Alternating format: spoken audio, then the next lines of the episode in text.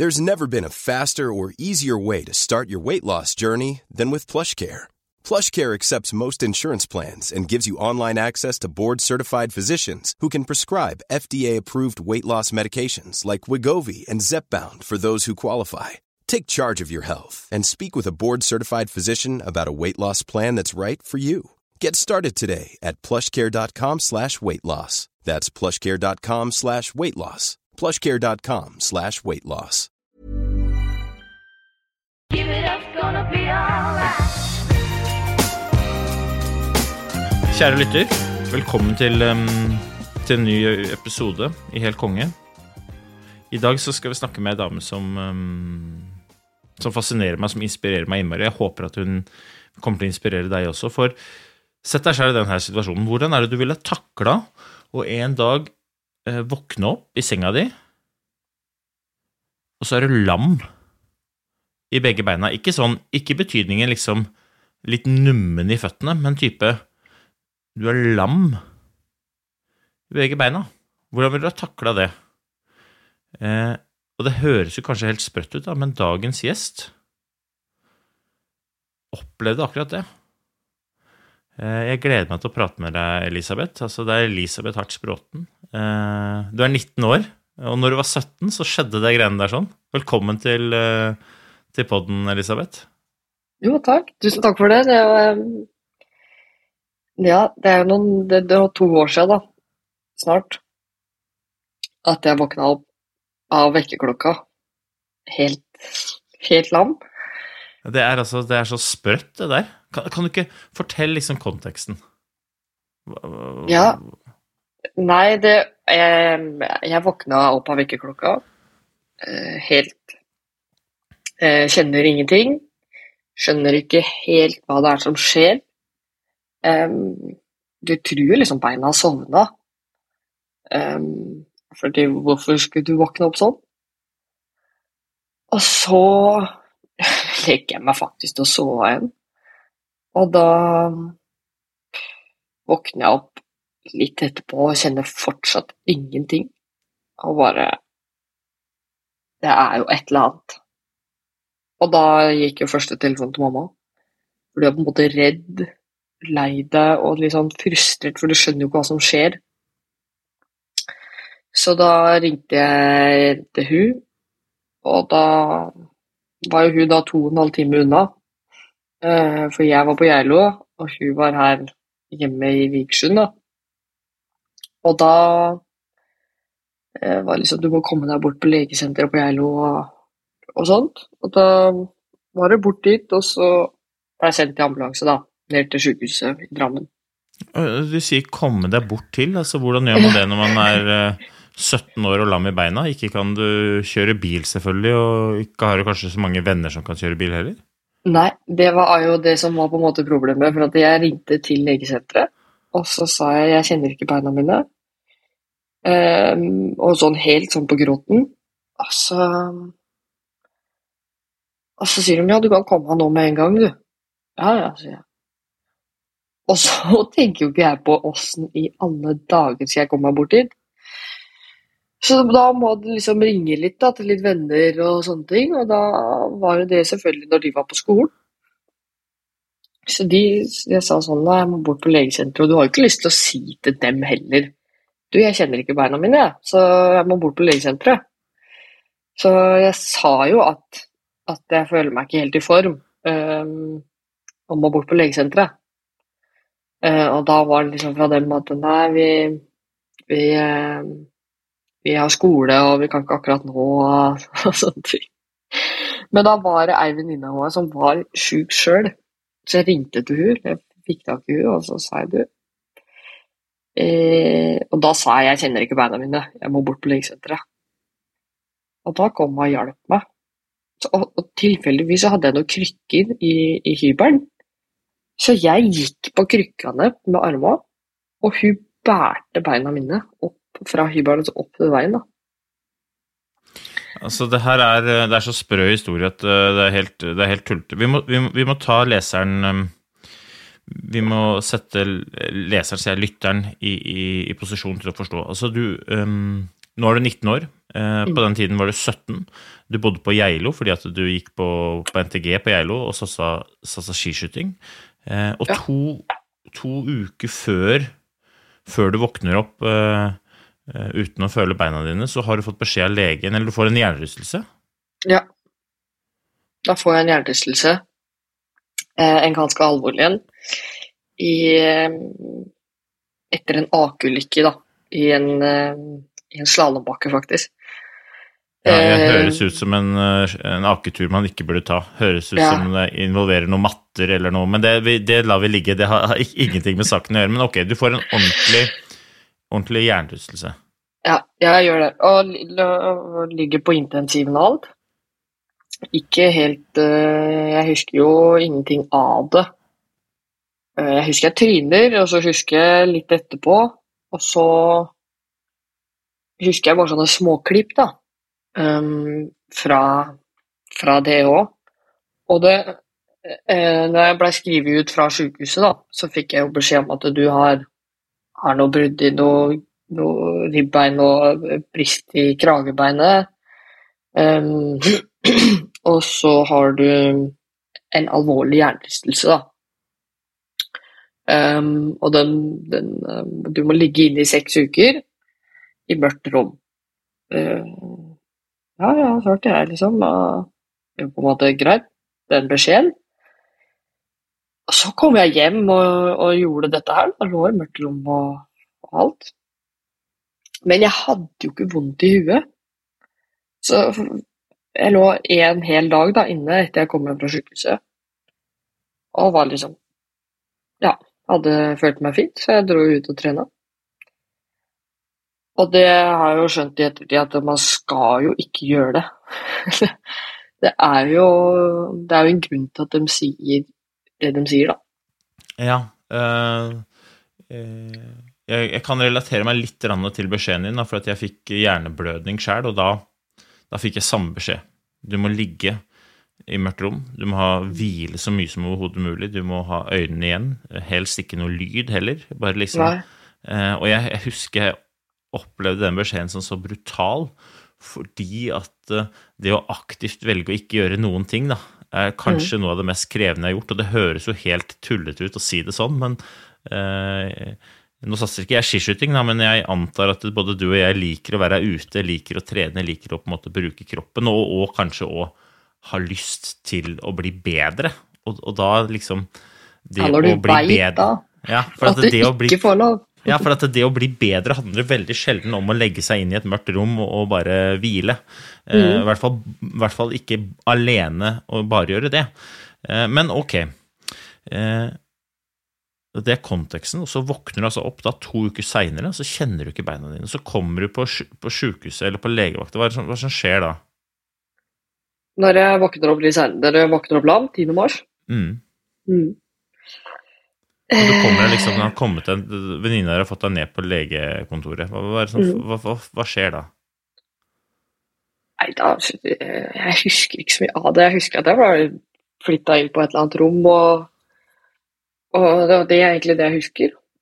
Um, jeg husker jo at jeg har ligget i ambulanse flere ganger. Um, men jeg husker ingenting fra den ambulanseturen. Jeg husker ingenting av mottaket på sykehuset.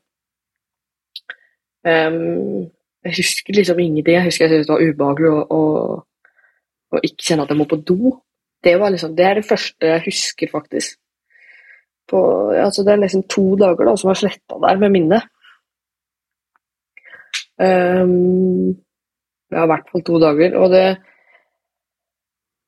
eh, Det er nok sikkert fordi kroppen har, har bare satt det som en sånn At det er ikke så farlig å huske, kanskje. Men det første jeg på en måte husker, er at eh, jeg oppdager at jeg ikke klarer å gå på do. Eller kjenner da det. Og det var en sånn knekk. Mm. For du er jo 17 år, og, og intimsonen din bare blir bare jeg, jeg har null intimsone. Uh, nå, da. Men da hadde jeg jo det. Du er jo 17 år, liksom. 17 år gammel jente, og plutselig så kjenner du ikke at du må på do lenger. Det husker jeg var eh, ikke noe ålreit. Nei, det har jeg ikke noe, ikke noe problem med å sette meg inn i det. Hva slags, øhm, hva slags beskjed får av legen, da? Hva er det de sier? De sier jo eh, Jeg husker faktisk veldig godt at legen kom inn av veldig ordentlig og fin, fin lege, da. Og, og kom inn og på en måte sa at eh, det var en hard beskjed, du er lam. Det var på en måte det beskjeden var. Um, og vi veit ikke hva, hva vi, vi kan gjøre, da, for det er ikke noe medisinsk vi kan gjøre her på sykehuset. Og vi veit ikke åssen det skal rehabiliteres. Da, men da ligger jeg jo i sykehussenga og skjønner ikke helt alvoret. Pappa er der og stiller liksom spørsmål, men det er sånn Ja, men hva, hva skjer nå, da? Altså, ja, du sier at du er lam, men hvorfor? Eh, Nei, det hadde jeg på en måte ikke noe svar på. Hvorfor det? Uh, Men, får, du, får du noe på en måte noe Er det liksom er det, Du er lam uh, og punktum? Det, det, er så endelig, liksom? Eller er det sånn du er midlertidig lam, eller levnes det noe, på en måte, noe håp om at det?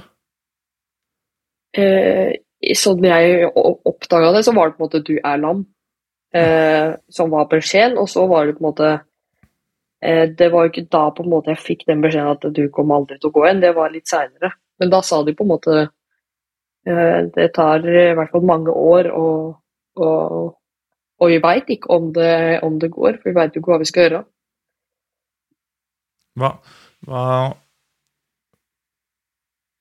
Så jeg vil anta at du Eller var far gjennom huet ditt da? Akkurat da, liksom? Det husker jeg ingenting av. Nei. Jeg husker beskjeden.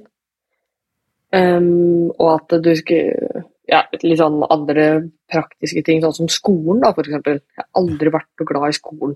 Um, og han sa uh, Og, og, og vi, vi som Jeg som lege og, og sykehuset, da, tar deg av, av skolen nå.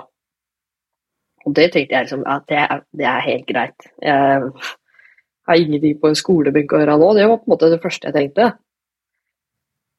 Um, og så kom den derre når, når jeg sa det sjøl til ei venninne i bilen, når jeg og pappa var da på vei hjem, um, så ringte ei venninne til meg på FaceTime og spurte hva Hva sa dem, liksom? Ehm, og jeg sa da Hold telefonen, så på hun eh, bestevenninna mi, da, eh, og så han, han sa jeg var lam. Og når jeg sa det sjøl, da gikk det liksom opp for meg, da, og hele verden bare raste. Og det var det som gjorde at at det gikk opp mot et lys at faen, det her er jo sant. Det Mm. er jo ikke tull, for når du er Det kjente sikkert du på med den derre hjerneblødninga, at du er veldig en sånn sjukehusboble når du er der. Mm.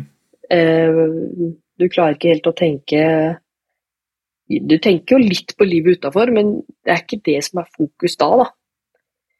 Eh, Nei, jeg, jeg kan relatere meg til det, da, men jeg, jeg kan Mm. ikke relatere meg til den derre den, altså jeg, jeg får altså så vondt i magen når, når jeg hører du fortelle liksom den derre Å si at du er lam. Fordi at det er så Det er så Det er en setning man ikke har sagt. mm, Ja. og det er så det er, det er en sånn slags sånn realitetsorientering for deg sjøl, men også for omverdenen, på at faen, ok, den Elisabeth har vært, øh, den er ikke akkurat nå, i hvert fall. mm, Eh, hvordan Hvis vi skal snakke liksom om eh, tankene dine altså Huet ditt vil jeg, jeg vil jo Du sier jo at verden raser, ikke sant, men hvordan er, blir man da på en måte deprimert? Blir man sint? Blir man uh, nesten sånn at man begynner å fjase med det for å beskytte seg? Altså, hva slags, måte, hva slags reaksjoner får du da? I, en ting er der i bilen, men liksom, i de påfølgende dagene og, og ukene, er det liksom er det, Blir det helt ned i det sorte hull, eller hvordan er du? Ja, det føltes sånn at det er helt nede i det i, i bånn. Du føler det. Og, og jeg lå jo bare i senga. Ikke sant? Jeg ligger aldri i senga en hel dag. Det får jeg ikke til. Um, Men da gjorde jeg det, ikke sant. Du, du kommer i en evig ond sirkel, da. Fordi altså Jeg følte at livet mitt var sletta, da. Jeg følte at det var på en måte ikke noe verdt, det livet her. Hva- hvorfor skal jeg ha Jeg er jo ikke en sånn. Og, da valgte jeg jo da i starten, selvfølgelig, og det var jo mye sorg og redsel og alt. Så da var det jo bare senga og, og mørkt rom og evig ond sirkel på at uh, Sover dårlig, bare Altså, jeg gråt jo hele tida. Og så dårlig spiste ikke ingenting. Bare lå der, liksom. Og så begynte Begynte jo etter hvert å tulle litt med det, da. Eh, litt sånn fordi jeg så jo at det her var vondt for mamma og pappa og storebror. Eh, og selvfølgelig. Så jeg skjønner jo det veldig godt, og jeg skjønte det da òg. At det er vondt for dem. Eh, og så begynte jeg å tulle litt med det, og, og begynte å tulle med det med andre. For jeg tenkte det at hvis jeg viser at jeg tuller med det her, så vil det gjøre det for enklere for folk rundt meg å forholde meg til meg. Det er, eh, humor er en fantastisk ventil når det kommer til litt sånne ja, Når ting er så kjipt at det på en måte alt er kjipt. da. Jeg mm. husker jeg sa til eh, de folka på i ambulansehelikopteret eh, at eh, jeg snart er tilbake igjen i slag, sa jeg. Eh, og eh, han ambulansefyr som satt baki meg da, han liksom smilte og så sa han det er i hvert fall bra at jeg, du har humøret. Dette skal vi fikse. Liksom. Vi skal gjøre det vi kan for å hjelpe deg, kompis. Og, eh, jeg, jeg, tror- jeg tror det der er en sånn viktig Jeg tror ikke man skal undervurdere det da, i kriser. Ikke fordi at man skal fleipe med kriser, men det å på en måte få letta litt på det trykket, så ikke alt blir den derre evige negative spiralen som du prater om. Da. Det er eh, det å få lov til å slippe ned skuldrene litt. Altså et smil, en liten latter, bare for å få litt sånn virkelighetsfrukt. Ja, det er en kjempe- liten kommentar liksom, som bare Ja. Ja. Om det er at du skal være glam mormodell, eller eh, Mm. liksom bare et eller annet som gjør at folk liksom Ja, ok. Eh, alt er ikke over, selv om ting er, er dritkjipt. Men, men det jeg er interessert i, er Som idrettsutøver eh, så antar jeg, bare basert på hvordan jeg kjenner idrettsutøvere, og spesielt da individuelle idrettsutøvere, altså det vi er gode til, er jo å på en måte stikke fingeren i jorda og forholde oss til nå-situasjonen, fordi at nå-situasjonen legger føring for hva vi kan gjøre for å bli bedre. Ikke sant? Og det, vi, er så, vi er så innmari gode til det. Da, liksom, hvis, om det er sykdom eller det ene eller andre. Nå, nå innleda vi jo starten med at eh, du ikke var så god til det når du fikk beskjed om at du måtte ta det veldig rolig etter hjernerystelsen. Men, men, men hvor lang tid tar det fra du får beskjed om at du er lam, til du begynner å erkjenne situasjonen slik man er, og begynner å jobbe derfra? Um, Det er noen uker. Uh, for jeg husker jeg fikk besøk av Dag Bjørndalen, som er treneren min.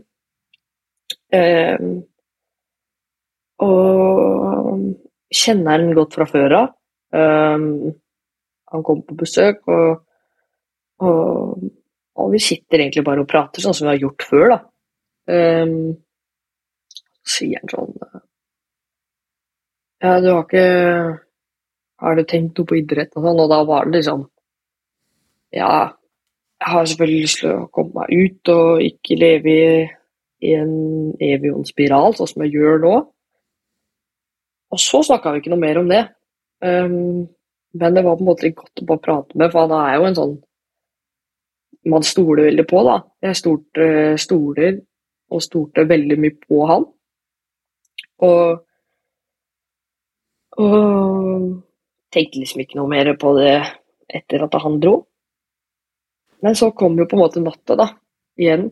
Og, og, og det er lange netter, da, når Hva var det for meg når jeg kom, kom hjem fra sjukehuset og lam og ja, Du veit jo ikke hva du skal gjøre med livet ditt, egentlig. Og verden bare Jeg trodde jeg hadde grått mye før, ass, før den natta. Men der, der raste det fullstendig. Klokka var halv fire eller et eller annet sånt. Og jeg bare hylgråt, og det var sånn hulking, liksom. Og så var jeg sånn Faen, altså, sånn her skal ikke ha det. Og da sto jeg opp, ut av senga, opp i rullestolen, inn på kjøkkenet og henta penn og papir. Så tilbake igjen i senga. Um, så laga jeg bare en strek midt på arket.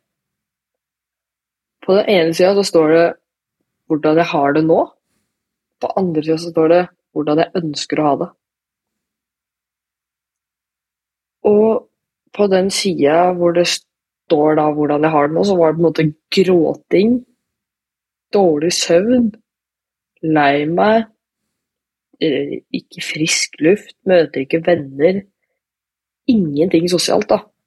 Så lager jeg bare en sånn sirkel, evig ond sirkel. Så på andre sida, øverst der så sto det 'gå på ski'. Være ute i naturen, være med venner, leve et normalt liv, da. Um, og så satt jeg bare og stirra på det arket, og bare 'Jeg skal på ski'. Akkurat de orda, da. Blikket bare sånn som en sånn Dit skal jeg. Dagen etter da, så satt jeg faktisk i en piggkjerke på Beitostølen helsesportsenter. Det er altså eh, Altså det du sier der, da, Elisabeth um, Du er 17 år, du setter deg ned med papiret. Dette er det veldig mange voksne som, som har bare spolt tilbake og lytt på det greiene der en gang til. For det er så fryktelig mange som har godt av å bli bevisstgjort på akkurat det du sier. For sånn har jeg det nå, sånn er det jeg ønsker å ha det. Det er altså um, det er altså så ekstremt uh, virkningsfullt. Det er veldig enkelt. men Det er ekstremt virkningsfullt. For hva er det det gjør? Jo, det tydeliggjør nå-situasjonen, og så tydeliggjør det ønska situasjon, det du ønsker. Og så er det en haug av ting rundt de ønskene som du på en måte ikke kan styre. Men noe av det du kan styre, er hva du gjør for å få det til. Og det er så lett i dagens reaktive samfunn å akseptere tingenes tilstand. Det er sånn det har blitt. Og vi tilpasser oss, justerer og går rundt og på en måte bare eh, Ja, rett og slett aksepterer at eh, faen, det var ikke dette jeg hadde tenkt, men, men sånn er det nå. Vi får bare holde ut, da. Mm. Istedenfor å gjøre det lille du gjør, da. Det, det der em, det, det skal du vite, Elisabeth, at det der er noe av det Når jeg hørte du hadde gjort det, så ble jeg altså så eh, inspirert sjæl Mm.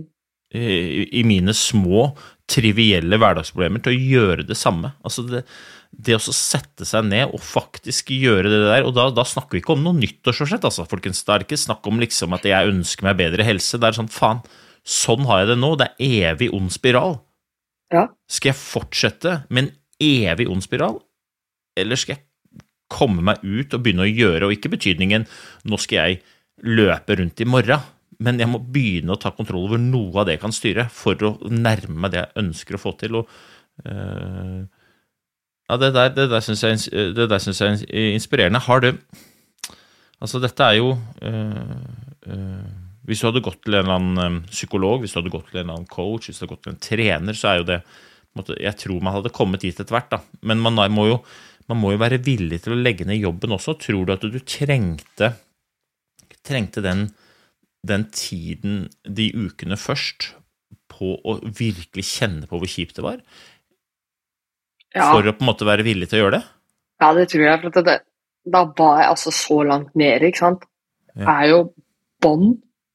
Det er jo et mareritt um, å våkne opp lam, ikke sant. Det er jo noe Ja, Det skal ikke skje. Um, og, og på en måte Jeg er vel sånn Jeg kjenner ikke på følelser. Altså, jeg kjenner jo på sånn Jeg er glad, glad i noen uh, sånne ting. Men de der litt sånn vonde følelsene, de har på en måte Jeg har alltid vært sånn Nei, det er ikke Litt sånn vegg, da, på det. Mur. Men nå var jeg litt sånn Jeg klarte ikke å sette opp noen mur. Um, lot følelsene komme inn på meg. Og, og, og, og det var greit. Og det var Det gjorde kanskje mye av situasjonen at de rundt meg lot meg gjøre det òg. De lot meg ha det litt eh, At det var mørkt, da. Fordi Og vi har snakka om det i ettertid, at det var på en måte litt bra Eller det var jo veldig bra. Eh, men jeg setter pris på det nå, og veldig da at de på en måte at Nå må vi bare gi Elisabeth hun, hun kommer ut til oss når hun trenger det. Hun gir beskjed når hun trenger det. Vi er her, og vi skal ikke pushe på noe. Vi skal ikke få hun opp av den senga hvis ikke hun vil. Nå, må, nå er det hun som bestemmer, da. Og, og, og da skjønte jeg jo ikke det, ikke sant. Em, men at det blei så mørkt, tror jeg gjorde at at jeg bare ja, rett og slett bare sånn her skal ikke ha det. Og det er helt greit å ha det sånn i en periode, men ikke hele resten av livet.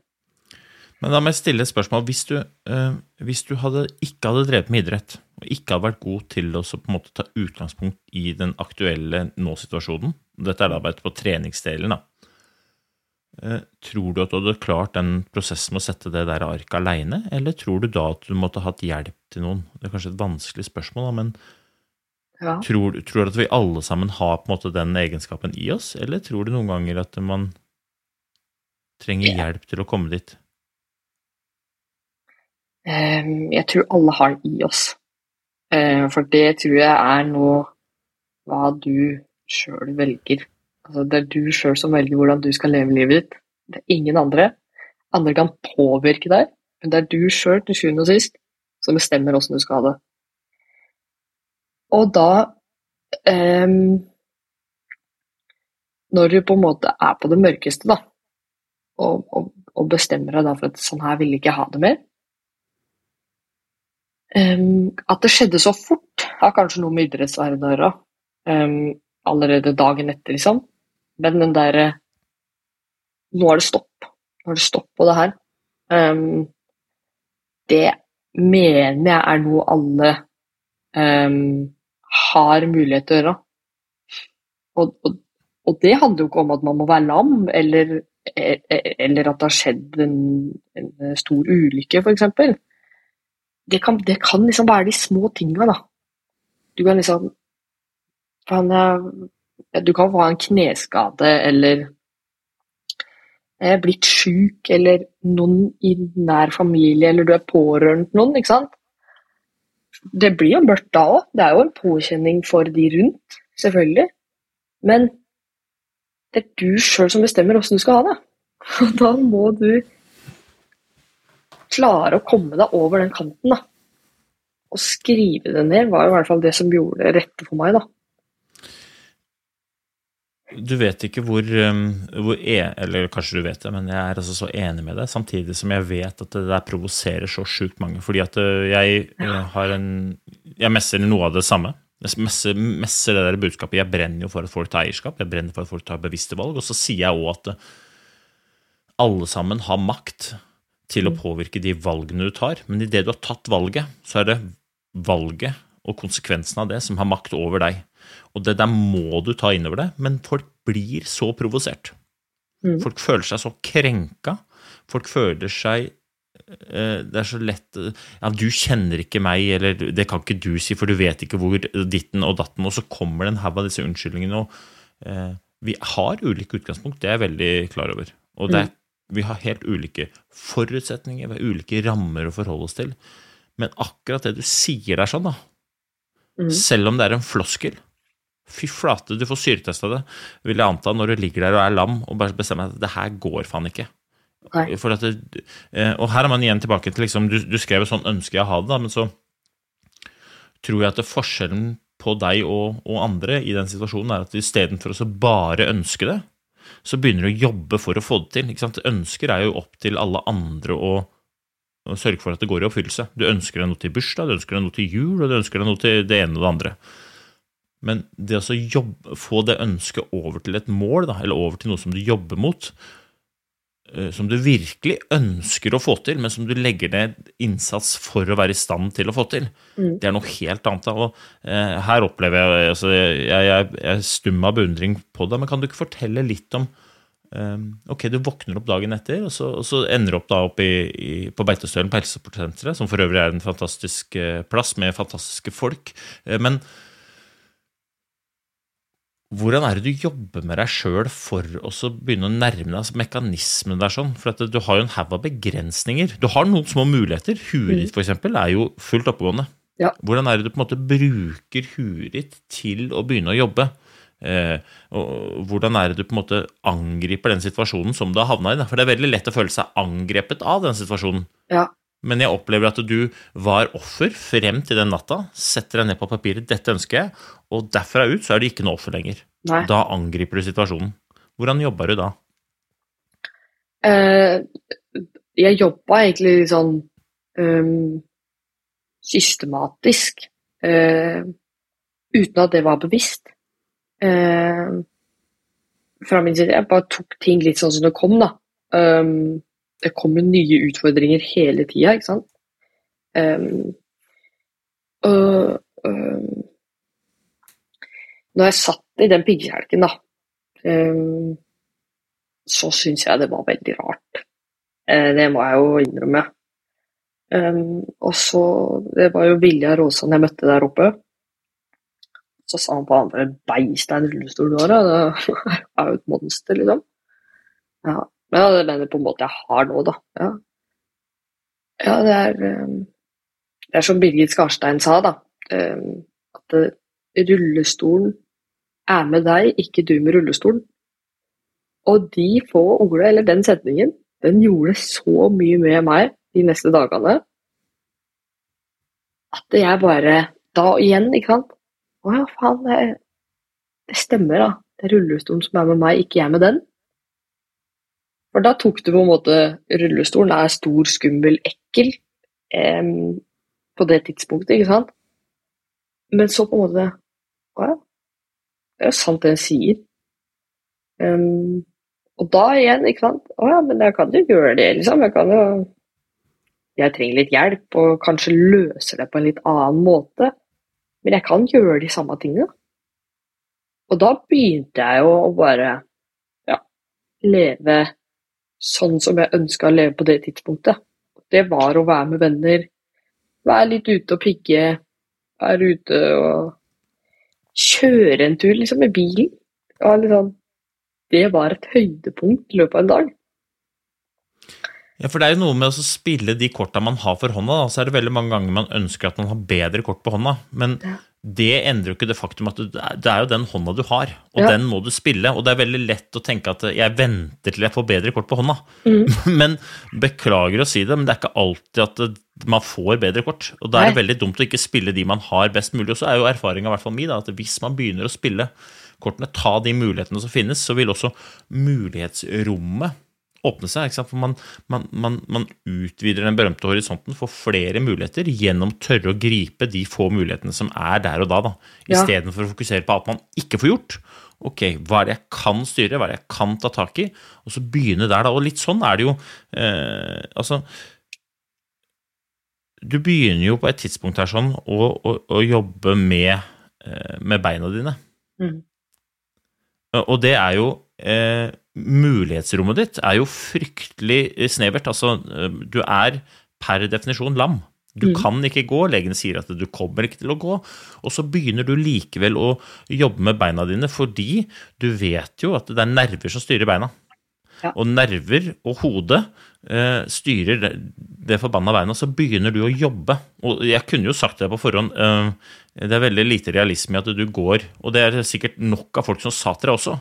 Men kan du ikke fortelle litt om hvordan du begynte å jobbe med beina dine når du ikke kunne bruke beina? Ja. Eh, jeg så, for at jeg visste på en måte Vi hadde tatt sånn nervetest.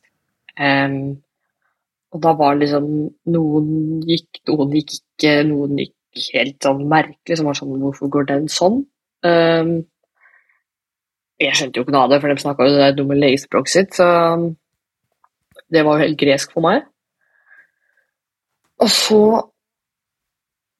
Det var noe jeg bare fikk for meg, liksom. At det, prøve å stramme den tåa, fordi du er jo desperat på det her tidspunktet. Um, måned etter cirka, liksom. Og vi skal gå igjen, liksom. Og du prøver å stramme og bevege de beina hele tida. Og så ble jeg litt sånn irritert, da. Altså, faen, hvorfor går ikke, liksom? Du må jo gå. Og så kom det der med hvis jeg jobber systematisk mot det, og med det, at det helt ifra tåa, ser for meg at jeg strammer den tåa, eller bøyer den tåa innover, liksom. Og jobber sånn gjennom hvert ledd og muskel, som man på en måte De store muskelgruppene, da, som å stramme leggen og, og bøye ankel, kne, sånne ting. Så jobba systematisk. Så på beina hele tida mens jeg gjorde det. Eh, litt sånn visualisering, da. Og helt da opp til navlen. Og det gjorde jeg liksom hver dag. Og I starten så var det sånn at du blei bare irritert for at det ikke gikk. Og så etter hvert så ble det på en måte en litt sånn greie at jeg gjorde det. Um, og jobba bevisst med det. Og, og så kom jeg da på det rehabiliteringsstedet, da. Uh, den våren. Uh, våren og sommeren. Og da fikk jeg jo beskjeden du kommer aldri til å gå igjen.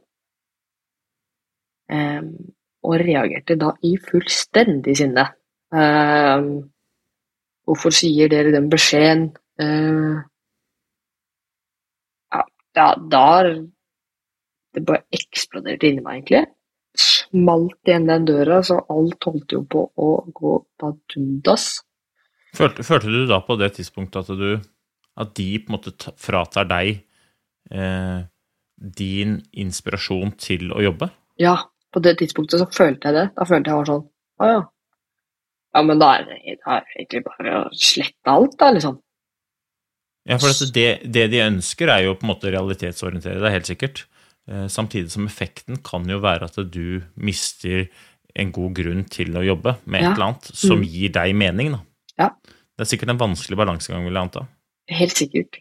Um, og så, fram til det, da, så har jeg hver gang jeg har gjort de øvelsene, at uh, i dag går det. I dag går det. I dag går det. Når jeg står opp om morgenen, i dag kan jeg gå. I dag kan jeg gå. Ikke sant? Og da er det ganske mange måneder med håp hver dag som bare blir drusa ned. Og da blir det jo på en måte Ja, det var mange fine dager de månedene òg. Det var det jo. Og jeg begynte jo med den pigekjelkinga og var med venner og, og sånt etter hvert. Men det var på en måte den ene den der ah, ikke i dag heller. Så fikk jeg den beskjeden. Eh, Jobba litt med de tankene at eh, ja, det er greit. Jeg aksepterte aldri beskjeden, men jeg godtok den. Jeg mener det er en ganske stor forskjell å godta en beskjed kontra å akseptere det. Så jeg sa til meg sjøl ja, det er greit. Jeg har det fint nå. Jeg driver med idretten, eh, som jeg elsker overalt på jord. Er med venner, familie. Jeg har det ganske bra, da. Og så var jeg sånn Men de øvelsene skal jeg gjøre uansett. Um, og jeg gjør det hver dag, sånn som jeg har gjort det fram til nå. Men de dagene det ikke går, så er det helt greit. Og hvis det eventuelt skjer noe en dag, så er det kjempepositivt. Men hvis det ikke skjer noe, ok, det er greit. Men da har jeg i hvert fall gjort det jeg mener da, eh, skal til. Og, og da endra det ganske mye med tankegangen min, da. Er det eh, Jeg pleier også å skille mellom å tenke positivt eller eventuelt negativt, og på å tenke riktig. eh, Mhm. Hvor jeg mener at det, det er så veldig lett å gå rundt og si sånn 'tenk positivt', eller eh, Og så tenker jeg at det har egentlig ingenting med saken å gjøre, fordi at det, endrer ikke det måte noen ting med situasjonen. Men det å tenke riktig handler om å bryte ned situasjonen og se hva jeg kan gjøre med det jeg står oppi, og så vil effekten av å tenke riktig være at man kan bli positiv. I hvert fall sånn jeg tenker, på det, at måte sånn, som du akkurat sier. At liksom, ok, jeg hører det du sier, eh, og jeg gidder ikke å tenke positivt. Ja, ja, det skal, det, da får jeg bare akseptere det som det er. Jeg skal tenke riktig, jeg skal gjøre de tingene mine. Og så kan det føre til at jeg blir positiv hvis jeg kjenner noe fremgang. Eh, Men jeg skal, heller, jeg skal ikke la meg bli negativ hvis det ikke gjør det, for at jeg hører beskjeden. Er du enig i den tankegangen? Ja, veldig. Og istedenfor å fokusere på det negative, da. Ta det Snu liksom tankegangen litt. Ja, det er lett for meg og, eller deg å si på en måte snu tankegangen, men det er på en måte en liten spenning som gjør kan gjøre dagen og hverdagen din mye bedre. Ja, men så er det ikke det, Jeg vil ikke si at det er lett heller, for jeg vil jo anta at du brukte ganske mye energi på å faktisk bli, bli disse tingene bevisst. da, men, men det er noe med det å faktisk gjøre det. For dette er ting som Jeg tror ikke det er noen som tenker 'Å ja, dette var banebrytende, Øystein og Elisabeth'. Jøsse navn, man må bare tenke riktig. Men hvis man ikke tar, seg, tar det inn over seg, hva er det det, hva er det det faktisk betyr for deg? Eh, jeg har brukt det bildet før, jeg kan bruke det igjen. Vi har en tendens til å bli den der flua inni vinduskarmen, som er inni vinduskarmen, prøver å komme oss gjennom vinduet og ønsker det, men du kommer ikke gjennom vinduet. Det, ikke, det, hjelper ikke å tenke positivt. Det du må gjøre, er å tenke riktig, og må, for å tenke riktig i det tilfellet, så må flua fly litt ut i rommet og se finnes det noen andre muligheter. Ja, Og veldig ofte så har den flua kommet inn i huset gjennom ei vidåpen dør som står rett ved siden av. Men hvis man er inne i vinduskarmen hele tiden, så ser man ikke det. Og da hjelper det ikke å tenke positivt. nei. Men de på en måte de, de tinga på en måte som gjør at hverdagen kan bli litt, litt mer positivt, da. Hvis du blir mer bevisst på de, og det begynte jeg med tidlig. Eh, Ja, Det begynte du med på det arket ditt, gjorde du Ja, ikke det? Og så bare sa pappa til meg en dag Nei, det var litt spennende, jeg tror vi skal ha Vi har én positiv ting i løpet av dagen. Um, og så var det sånn Ja, det er fint. Og i starten så gjorde vi litt ting ut av det. Og pappa eller mamma eller noen spurte ja, hva har du lyst til å gjøre i dag? Og da kunne jeg si til pappa eksempel, jeg har lyst til å kjøre gravemaskin. Uh, og da var han sånn, ja, det gjør vi. Eh, og så på en måte begynte jo det skrilt ut, for at vi kunne jo ikke ha, ha det sånn hver dag, liksom. Men så tok jeg med meg den der Ok, jeg skal ha én positiv ting i løpet av dagen. Og den ene positive tingen, det trenger ikke å være så mye. Fordi det var på en måte Om jeg hadde reist til en venninne og sett en film, så var det kjempepositivt. Men jeg hadde snakka i telefon med en besteforelder. Men når jeg la meg om kvelden, så var jeg liksom sånn Det har vært positivt i dag? Og da var det Ja, jeg har ringt bestefar i dag. Det var positivt i dag. Jeg hadde en fin telefonsamtale med bestefar. Etter hvert så begynte jeg å se mye positivt i det, da. For da når jeg la meg om kvelden, så var jeg sånn Ja, da fokuserte jeg på den positive tingen istedenfor å fokusere på alt det negative. Du er ei rå dame, ass, Elisabeth. Det må jeg bare si. Jeg, eh, jeg, lar meg, lar meg virkelig fascinere og inspirere av deg, og, og det faktum at du er 19 år i dag, da, det, og har disse tankene. Herregud. Eh, eh, jeg håper at du når ut med, med budskapet ditt. Eh, men det fins jo flere lag i den historien der, sånn, da, fordi at eh, du fortsetter jo med de øvelsene. Mm. Du kan fortelle det sjøl, jeg skal Ja. ikke legge orda i munnen din. jeg. Nei, eh, jeg fortsetter jo med de øvelsene. Hele På det her tidspunktet så var jeg veldig sånn Jeg vil ikke ha noe hjelp. Eh, Jeg vil fikse det sjøl. Dette er min greie. Jeg vil ha hjelp til andre ting, f.eks. å ha en positiv dag. Og så jeg en gammel, eller gamle treneren min. Han driver, eh, eller er gründer av et treningssenter som heter Feelgood. Og det er på en måte maskiner og sånn treningsmaskiner som beveger hele kroppen, og så kan du ta i så mye du vil. Og da var jeg sånn, faen, kanskje jeg skal prøve det, da. Kanskje jeg kan få bevega de beina utenom fysio. Ringte til han, og, og da med mål om å få bedre blodsirkulasjon i beina. Um, dette var da i desember møter han på, på et Filgensenter her i Vikersund. Blir jo helt forelska i det, liksom. Og jobber da enda mer bevisst på at det er jeg jeg visste at det var maskina som bevegde de beina, og jeg tok i med arma, på en måte. Men jeg jobba bevisst på at det er jeg, jeg bøyer beinet nå. Nå bøyer kneet seg, nå strammer leggen seg hvis jeg skyver ut eller skyver inn. Jobba sånn systematisk med det. Eh, ja, fra desember eh, til i hvert fall mars, fordi i mars så fikk jeg en skulderskade som var hvor datt ut av skiheis. Og ødela veldig mye inni der. og fikk da noen nerver og noe greier som ble klemt og muskel og brudd. Så hadde jeg på en måte én lam arm og to lamme bein. Da når jeg kom ut fra sykehuset og inn på et rehabiliteringssenter her, hvor gjennomsnittsalderen er 80 pluss, ikke sant, der kom jeg inn som 18-åring. Da var det mørkt, altså. Og da begynte jeg igjen med den derre De så meg for den personen jeg er, og, og på nådde inn på meg. Litt vanskelig å nå inn på sånn for å komme inn på meg, da. Eh, men de nådde inn, spesielt noen, da. Eh, med humor, eh, forståelse, på en måte bare de bare var der, da. De var ikke inn ut av det rommet hele tida. De var der lenge av gangen. Fikk tillit til dem.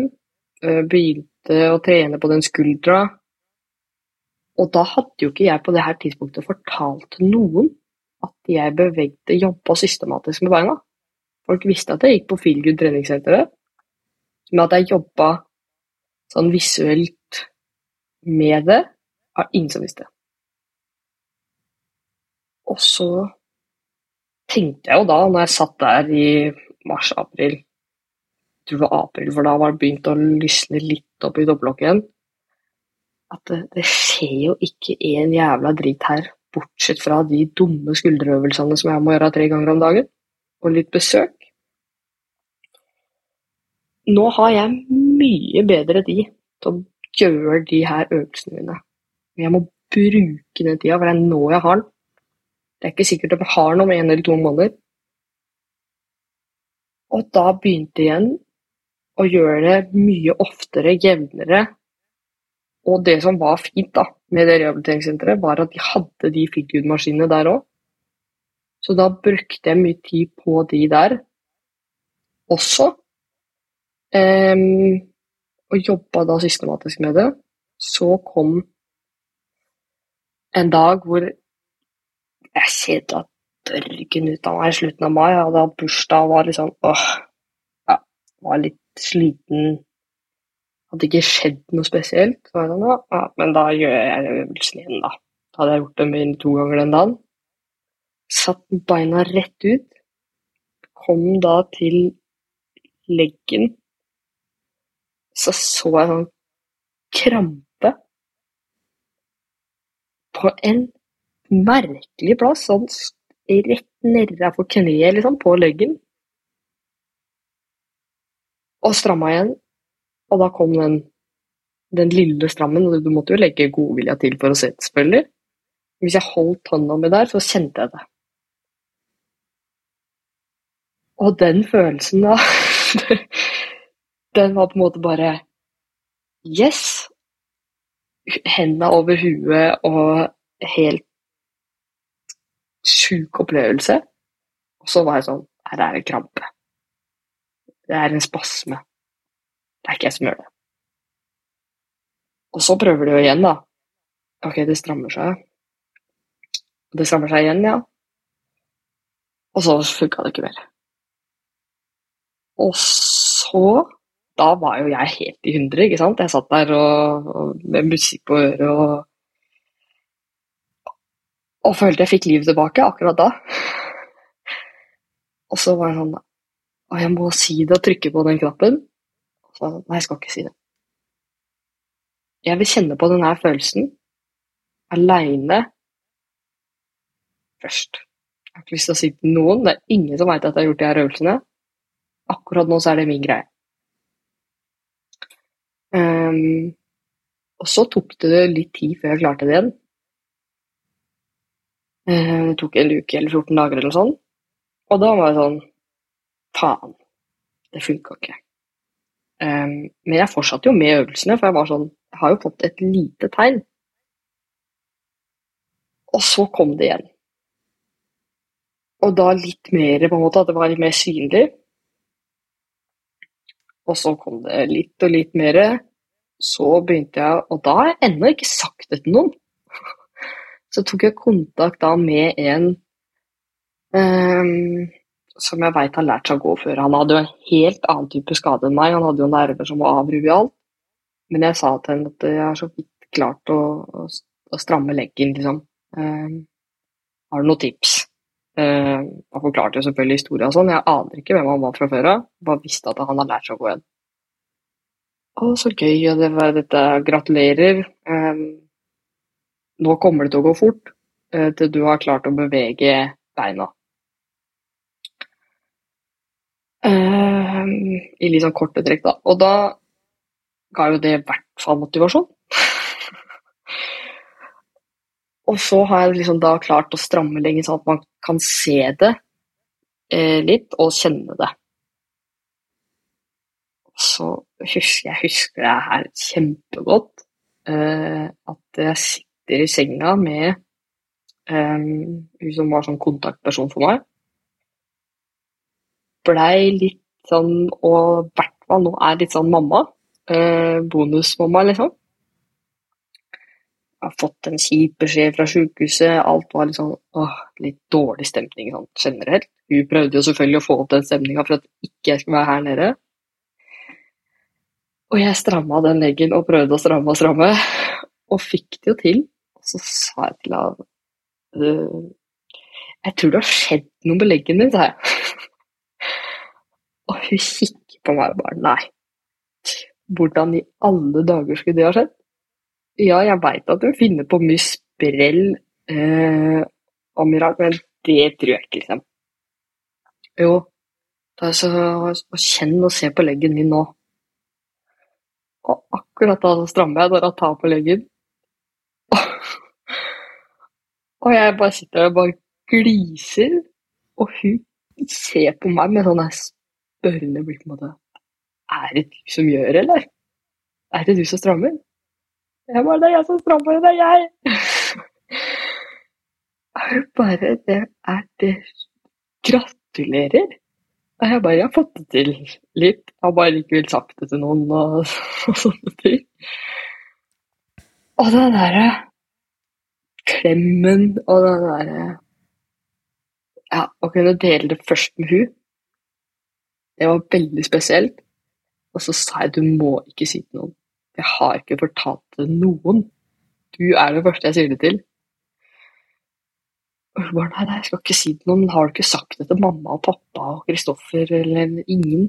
Jeg bare nei, jeg har ikke sagt det. Du er den første jeg sier det til. Ja, nei, hun skulle ikke si noe, og det var helt i orden. um, og så fortalte jeg hva jeg har gjort, da. Um, og da var det liksom Dette har jo ikke du fortalt oss. Sei nei, jeg har ikke fortalt det til noen. Du er den første som veit hvem det er. Og så begynte vi da å jobbe mer systematisk med det, da. Men eh, Vet du at Jeg får tårer i øya, yes. Av, eh, ja, jeg mener det. Det, det, der, det der rører meg så innmari, da. Eh, fordi at eh, i mitt hode beviser at det er så innmari mye som er mulig hvis man tør å, å, å gjøre jobben. Mm. Eh, og jeg, jeg, er ikke, jeg er ikke en sånn som tror at alt er mulig. Men jeg er en som tror at det er veldig mye er mulig hvis man faktisk skal komme dit. Og um, jeg mener at du Du toucher borti noe som er litt sånn mm, Litt viktig rundt det der med, med det å ha drømmer, fordi at vi eh, vi er litt redd for å dele drømmene våre fordi at de rundt oss har en egen, egen evne til å, å, punktere de. Ikke fordi de vil, men fordi at de er så livredde for at vi skal bli skuffa. mm, Ikke sant? De er så livredde for det, det de vi, som er rundt oss og som er mest glad i oss, eh, ønsker, er at vi skal få til. Ja. Men de er også livredde for å, at vi skal oppleve motgang og bli skuffa og, og liksom ikke få til. Da. Så Og det tror jeg også måte- er litt grunn til at mange tør å drømme de Tør å drømme litt høyt.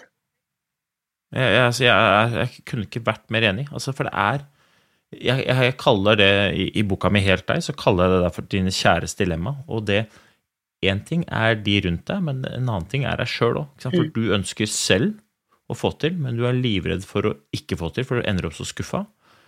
Og så ender det opp med at man tør ikke å ta sjansen. Og du kunne jo Jeg tror det er derfor det rører meg så fælt, Elisabeth, for du kunne akseptert Eh, Jeg syns du sier det veldig presist. Jeg, jeg, jeg, jeg hører det du sier, og jeg godtar det du sier, men jeg aksepterer ikke situasjonen. Mm. Eh, liksom, jeg tror det er derfor jeg blir så bevega av det. Fordi at jeg mm, For det første unner jeg unner jeg å få talerør, jeg unner jeg å få fordelt historie, men så unner jeg deg å få den premien. Altså, jeg kan bare tenke meg de følelsene eh, som du satt og kjente på første gangen og andre gangen og tredje gangen, når du får lov til å dele det med Først med hun som da tydeligvis har vært veldig flink med deg, som vi må sende all honnør til, men òg med familien din. Altså, jeg er bare sånn uh, Ja, det der, det der er noe du aldri hadde fått kjent på hvis ikke du hadde turt å drømme og vært villig til å gjøre jobben. Mm. Og det du snakker om der sånn, det er det som er flås eller ikke, det jeg kaller for suksess, da. Ja. For du eh, uten jeg, jeg kaller jo suksess Følelsen av suksess kaller jeg for helt konge. Mm. Og hvordan, hvordan du føler deg når du er helt konge, det vet bare du. Om det er du, Elisabeth, eller om det er lytteren. Men jeg tror alle sammen har, en, har et forhold til hvordan man føler seg når man føler seg helt konge. Ja, ja alle har en for, for, et forhold til det. Ja, og, Men den kommer ikke rekende som på ei fjøl. Det kommer ikke av seg sjæl. Men du kan kjenne på følelsen hvis du gjør noe Gjør noe du da, hvis du er litt oppi åra, og så har du begynt å trene litt, så er det sånn Å, du fikk den gjørelsen. Det, det var jo helt Det er en kongefølelse, da. Det er en følelse du, du sitter med, eller du på en måte har klart noe du aldri har klart før. Det er sånn Åh, det er deilig. Den følelsen, da. Ja. Men den vil, den vil du miste hvis du på en måte da f.eks. aksepterer, av, siden du Mm. bruker eksempelet om å, å være litt eldre, at det, jeg er for gammel til det. Mm. Eh, I første episode av denne sesongen så delte jeg en historie med min mor. Hun fyller nå hun fyller 70, og så i 70-årsgave så kjøpte hun seg slalåmski og, og slalåmsko. Og hun, eh, fordi at hun ikke hadde stått på slalåm på veldig lenge Hun har fortsatt helse til å stå på slalåm, er veldig glad i å stå på slalåm, har ikke gjort det på mange år. Nettopp av den grunnen du sier. Jeg er for gammel til. Ja. Men når hun da og Dette er jo en helt annen på en måte, historie, selvfølgelig, men mekanismene er ganske like. Mm. Bare gi faen, ta kontroll over det du kan styre, og så tar vi det derfra. Ja. Eh, forrige uke, Elisabeth, så, så gikk du skiskytteren stående. Ja. Altså, det er eh, eh, Altså, den historien er så vanvittig, da, og at du da eh, forrige helg kan, kan gjennom å ha jobba Dette er jo på en måte eh, vi hopper jo kvantespreg over en haug av daglige øvelser og masse motstand, og alle som vet noe om det å få til, vet at den, den linja går ikke rakt til himmels. Ikke noe tre vokser til himmels, men du er jo i dag eh, full Altså, funksjonen din er jo helt fin. Mm. Og du gikk Kan du ikke, kan du ikke, kan du ikke dele noen tanker om det derre det skirennet? På en måte Hvordan du hadde det når du gikk det skirennet?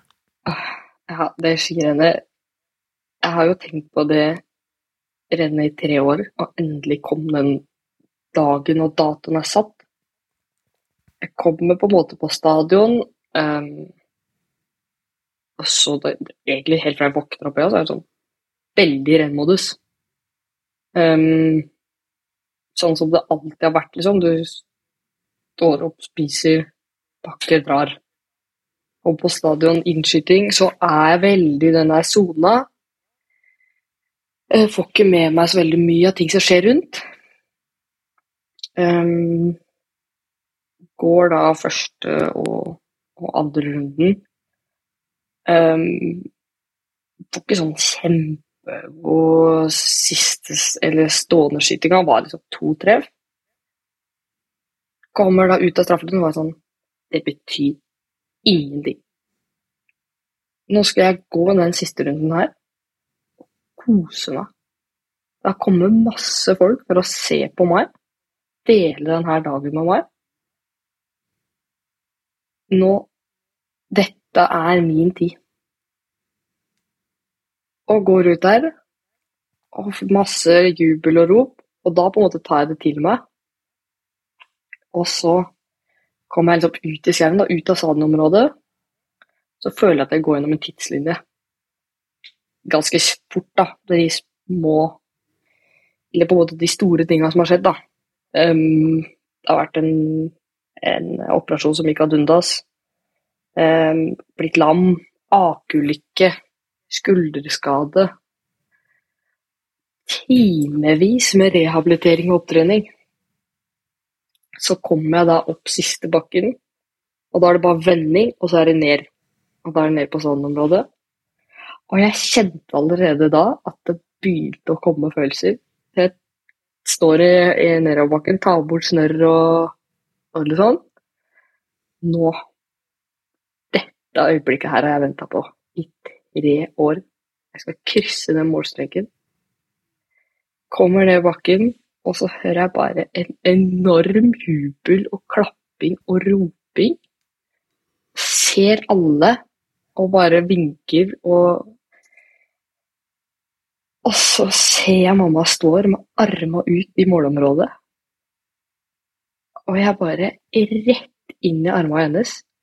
Og det renner tårer. Så voldsomt. Og jeg hylgråter i de arma. Og setter meg ned på huk og bare Dette ble mye. Jeg var klar over at det kom følelser, men ikke så mye. Så bare skriker jeg ut 'yes' og reiser meg opp og kommer Pappa kommer, og Kristoffer, storebroren min, gir eh, liksom en god klem til pappa. Og Kristoffer, han er fem år eldre enn meg, bare tar tak i meg og bare løfter meg opp og skriker ut alt han har, og jeg har. Og det derre følelsen av å se og takke alle rundt, og, og møte dem eh, mye helsepersonellet fra Frydenberg, der jeg lærte meg å gå, liksom. Kom for å heie på meg. Eh, venner og familie har kommet kun dit for å være der og se meg krysse målstreken. Og jeg følte meg så ekstremt takknemlig overfor alle som kom.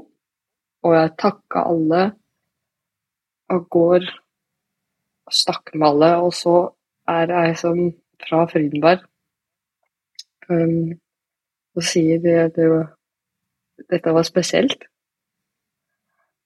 Og da har jeg liksom akkurat disse til å gråte. Og så sier jeg faen, ass, jeg har tenkt på den datoen her i tre år. Det er så mye følelser som går gjennom den kroppen nå. Og begynte å hylgråte igjen, og bare Ja, det var eh, Den følelsen, da.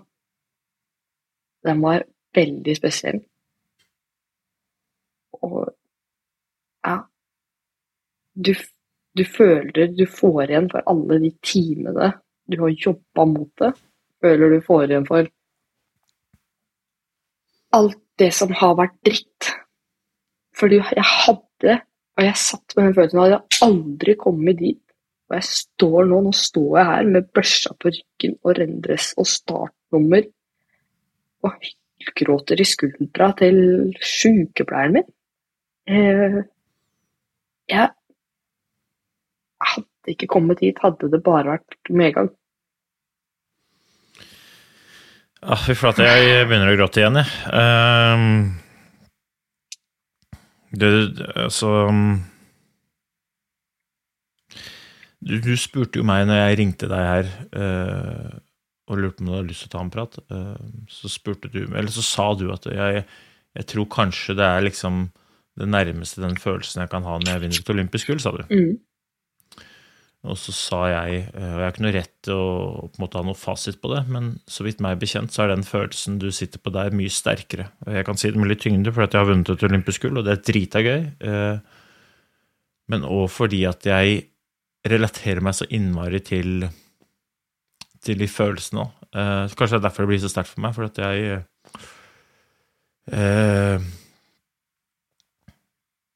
Når jeg gikk Birken i fjor, så grein jeg på veien i mål. Mm. Uh, uh, bare fordi at det var så utopisk uh, og i det hele tatt kunne gå Birken. Og jeg har nok ikke sagt det så innmari mange hvor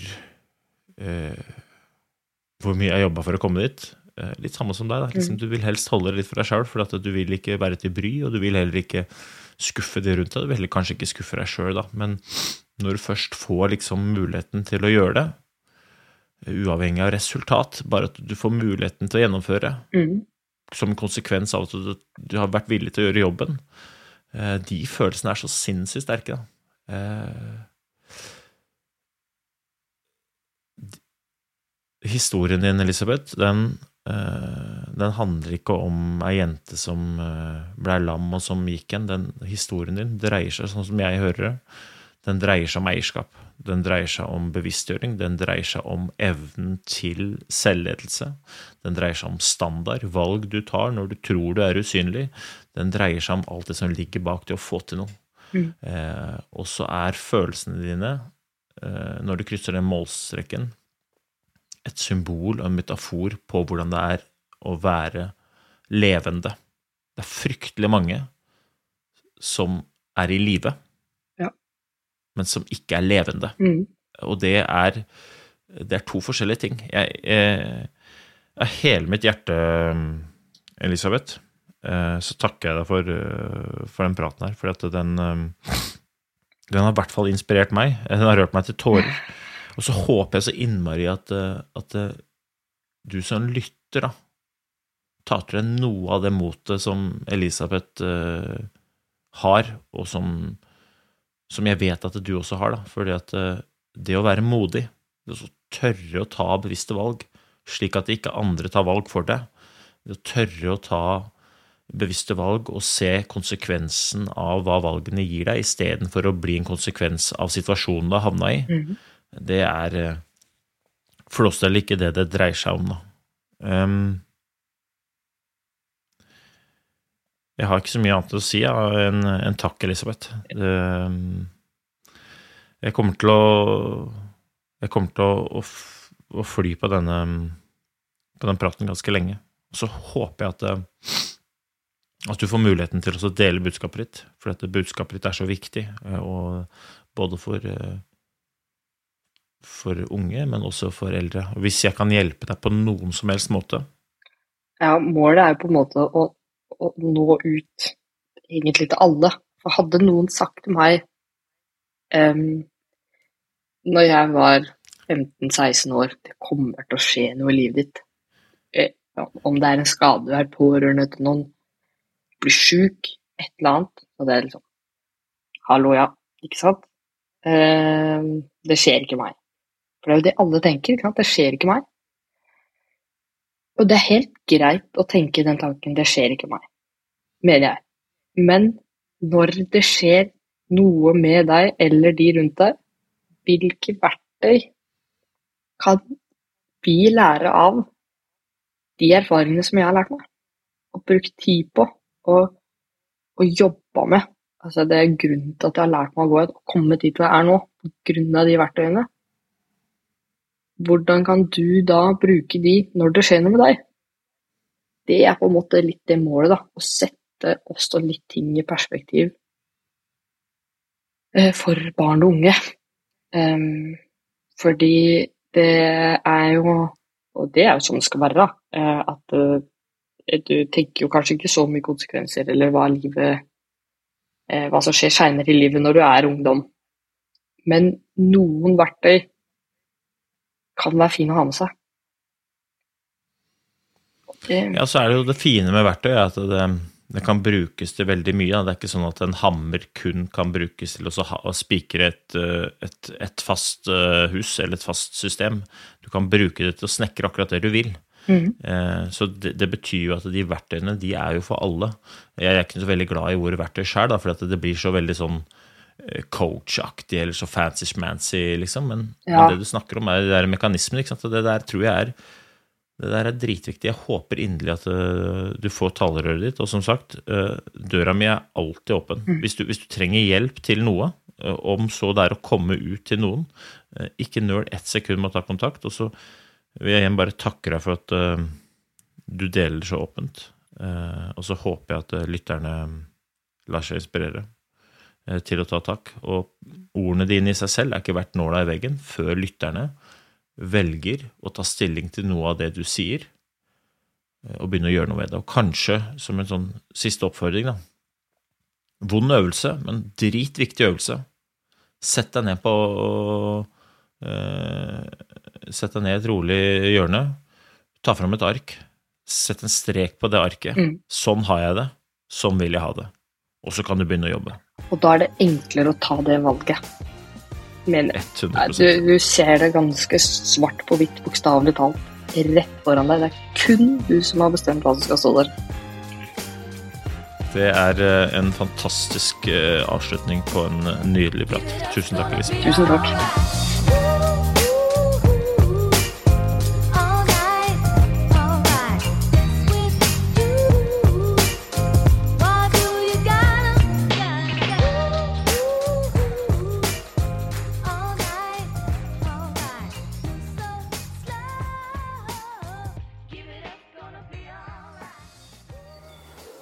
Gode dager.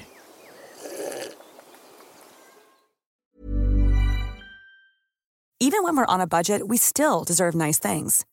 Quince is a place to scoop up stunning high-end goods for 50 to 80% less than similar brands. They have buttery soft cashmere sweaters starting at $50, luxurious Italian leather bags, and so much more. Plus, Quince only works with factories that use safe, ethical, and responsible manufacturing. Get the high-end goods you'll love without the high price tag with Quince. Go to quince.com slash style for free shipping and 365-day returns.